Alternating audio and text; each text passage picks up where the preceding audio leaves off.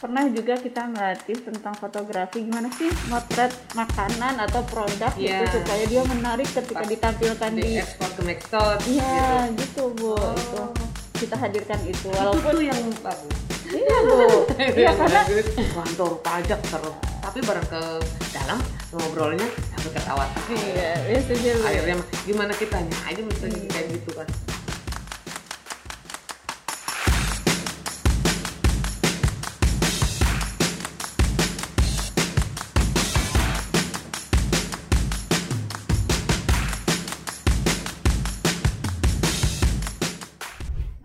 Assalamualaikum warahmatullahi wabarakatuh. Halo kawan pajak semua, kembali lagi bertemu bersama saya Ida Laila. Kawan pajak semua kini tengah menyaksikan dan mendengarkan podcast katalog gue Kanwil DJP Banten. Tempat, tempat kawan pajak curhat, dialog dan sharing dengan mengupas tuntas semua informasi perpajakan serta peraturan-peraturan perpajakan terkini bersama para pakar, bersama para stakeholder dan tokoh di Kanwil DJP Banten. Masih dalam suasana pandemi COVID yang belum berakhir, program pemulihan ekonomi nasional masih terus berlanjut. Perhatian pemerintah terhadap sektor kesehatan, pendidikan, dan juga perekonomian sangatlah besar. Berbagai insentif dikeluarkan semata untuk membantu menggeliatkan roda perekonomian dan membangkitkan semangat masyarakat sehingga tetap optimis di masa pandemi. Kawan pajak, podcast katalog gue Kandil DJP Banten kali ini menghadirkan seorang wanita luar biasa yang sangat cantik, smart, dan beliau adalah pelaku bisnis properti di Banten. Beliau menjadi direktur dan komisaris beberapa perusahaan properti ternama dan telah dianugerahi berbagai penghargaan baik di Indonesia maupun di kancah internasional. Ibu Hajah Lilis Komariah SE. Beliau adalah ketua IWAPI Banten. Selamat datang Ibu. Assalamualaikum. Selamat datang di studio katalog gue Kanwil DJP Banten. Pertama kali ya Bu ya datang ke sini ya Bu ya. Kali, luar biasa. Gimana Kayak Bu kesannya? kafe. Oh gitu. Nyaman sekali. Nyaman ya Bu ya. Jauh Alhamdulillah. dari suasana kayak kantor masuk kantor pajak. Kantor pajak ya Bu. Sudah humi. Udah home ya Bu Iya. ya. Jadi nggak nggak aduh nih dipanggil ke kantor pajak nih takut. Udah nggak ada gitu lagi ya Bu ya. Pas masuk tadi Bu masuk kanwil kami terus ada lobby juga Ibu. Iya. Lihat suasananya lebih friendly ya Bu ya. Friendly, Alhamdulillah. ya, ya nice. Alhamdulillah, terima kasih banyak Ibu. Ya nih, Ibu Lilis ini adalah ketua IWAPI ya Bu. Boleh cerita Bu, IWAPI itu apa Bu? Nanti itu Ikatan Wanita Pengusaha Indonesia. Hmm. Perempuan semua berarti ya Bu? Iya. Jadi kalau Ikatan yang Wanita. Mas-mas Oh, ini nggak- bisa masuk. bisa masuk. gitu. Oke, 500 anggota Kurang lebih. ya. tersebar dari delapan kota kabupaten. Banten. seluruh provinsi Banten. Iya, di provinsi Oh. Banten. Ibu sebagai ketua di provinsi Banten. Berarti Iya. ada ketua lagi di masing-masing kabupaten Ada, katanya. Ada Oh. itu DPC. Namanya ketua Oh. DPC. Kalau ini- ranting ya. Jadi eh, dari cabang Mhm. terus dari cabang Oh, kita. Ah, luar biasa. Berarti Ibu membawahi 500 kurang lebih 500 anggota di 8 kabupaten kota seprovinsi Banten. Iya. Jadi ada kita juga ada 8 eh 8 DPC ya. Jadi Iya, kita tuh iya. wilayah lah misalnya Iya. kalau di ini. Ya, seperti kami lah kantor Iya. wilayah gitu. Nah, Punya ada beberapa kantor iya. pelayanan pajak. Oh, Iya, oke, gitu. saya ngerti, Bu. Kegiatannya apa aja, Bu? Iwapi, Bu. Iwapi itu eh, kita sih lah, eh, dari tahun yang pertama kita jalan ini kita membenahi semua eh, apa sistem dan struktur keorganisasian ini kita apa kita lagi rapikan gitu Oke. ya karena gini kalau dulu mungkin eh, Ibu Yati Mahendra ya sebelumnya Hmm. kita itu beliau yang berjuang mengenalkan IWAPI nih di Banten ini supaya lebih lebih banyak Hmm. Berperan tahu masuk gitu IWAPI, tahu IWAPI lah iya. gitu penting masuk dulu Iya, apa iya, iya. Nah tugas kami yang sekarang ini adalah pembenahan dengan eranya zamannya sekarang kan ya Hmm. Nah, sekarang era digitalisasi, ya saya punya kewajiban harus para perempuan juga ibaratnya sadar akan digitalisasi Mhm. harus eh, misalnya nih kebanyakan maksudnya pengusaha nih jadi bisnisnya nggak pi- apa lewat offline aja jadi Iya. online-nya harus pintar Iya, kan iya. gitu Bahkan untuk saya lihat nih Bu, buka websitenya Iwapi. hmm. Untuk daftar itu juga online ya Bu ya sekarang ya. ya. Itu kan Bu kalau perempuan tuh ada ada ada isu tentang pengarus utamaan gender nih ya Bu. Hmm, hmm. Kalau eh, dulu kan mindsetnya pemimpin itu ya laki-laki aja Iya. gitu kan. Sementara ini dengan ada IWAPI berarti ini perempuan-perempuan dia punya usaha sendiri, dia jadi Mhm. pemimpinnya di perusahaan dia misalnya seperti Mhm. ibu misalnya ya, Iya. punya perusahaan properti Mhm. begitu besar, Mhm. eh, jadi direkturnya, jadi komisarisnya itu sekarang di Banten khususnya Bu sudah diakui ya perempuan ya Bu ya untuk terkait pengaruh sama gender ini. Ya sebelum saya juga pastinya diakui orang kita juga pemimpin kita sebenarnya juga perempuan ada Iya, ya di Banten betul. ya. Oh iya, Iya kan? Iya, Bu iya, iya, Ibu. betul, betul. Itu juga kan kita Hmm, ada betul, betul, maksudnya betul. Eh, di sini di Banten banyak pemimpin-pemimpin daerah perempuan banyak ya kan. Hmm. Eh, sebenarnya kalau perbedaan itu ada kenapa jadi kita tidak mensyukuri bahwa itu suatu rahmat Iya. ya kan ya pasti kita berbeda Eh, cuma yang kita maksud dari tadi apa kesetaraan gender itu Iya. Kita ingin dihargai dengan diperlakukannya bahwa misalkan nih kalau jam kerja misalkan nih ya jam kerja eh apa kalau laki-laki misalnya dibayarnya 5.000 kalau perempuan 4.000 itu suka begitu kan Oh, ya, jadi dibeda-bedakan seperti itu. ya. Jadi Iya. karena kan dia perempuan dan ini Iya. laki-laki gitu ya. Padahal misalnya ngerjakannya sama Iya. Ada tuh suka di Betul, pabrik-pabrik kita masih suka nemu Masih ya, Bu ya. Iya, walaupun sekarang udah diinkan ya dalam UMR tapi kalau yang masih tradisional kan masih Masih ada masih juga bebas yang seperti beda ya antara pekerja laki-laki sama perempuan ya gitu. Di Ibu jadi pengusaha nih sudah berapa lama nih, Bu?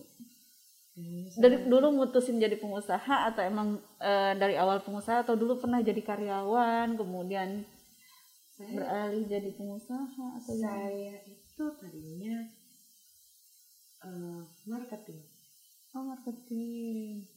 Perusahaan properti. properti Oh, oke. Berarti emang udah tahu tentang properti sejak lama ya, Bu ya?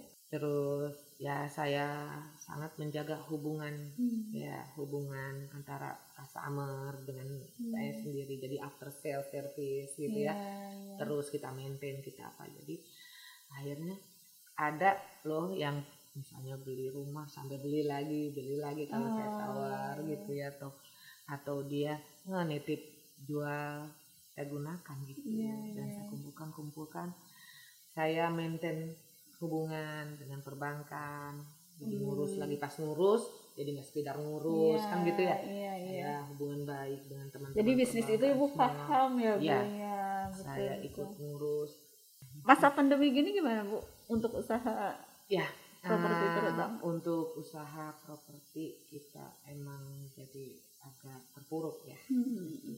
makanya saya eh, nggak mau apa merenungi bahwa oh itu terpuruk oh begini bagaimana Hmm. gitu ya ya saya pikir pemerintah juga sama berpikiran bagaimana ini warganya gitu kan ya Betul, betul. jadi kita jangan musingin lagi udah kita berjuang aja apa yang bisa kita lakukan Ah, lakukan biasa, gitu Iya bu. jadinya kan membuat terobosan Hmm. membuat apa ya eh, supaya ini terus bergerak Hmm. saya yakin sih kalau terus kita bergerak info apa apa ya akan ada jalan gitu Iya. ya kalau kita ratapi terus kita pasrah kita ketakutan terus dengan Hmm. oh, covid nggak berbuat apa-apa ya waalaikumsalam kita takut nggak bu datang ke kantor pak? enggak lah emang Serem nggak gitu aja. nggak biasanya?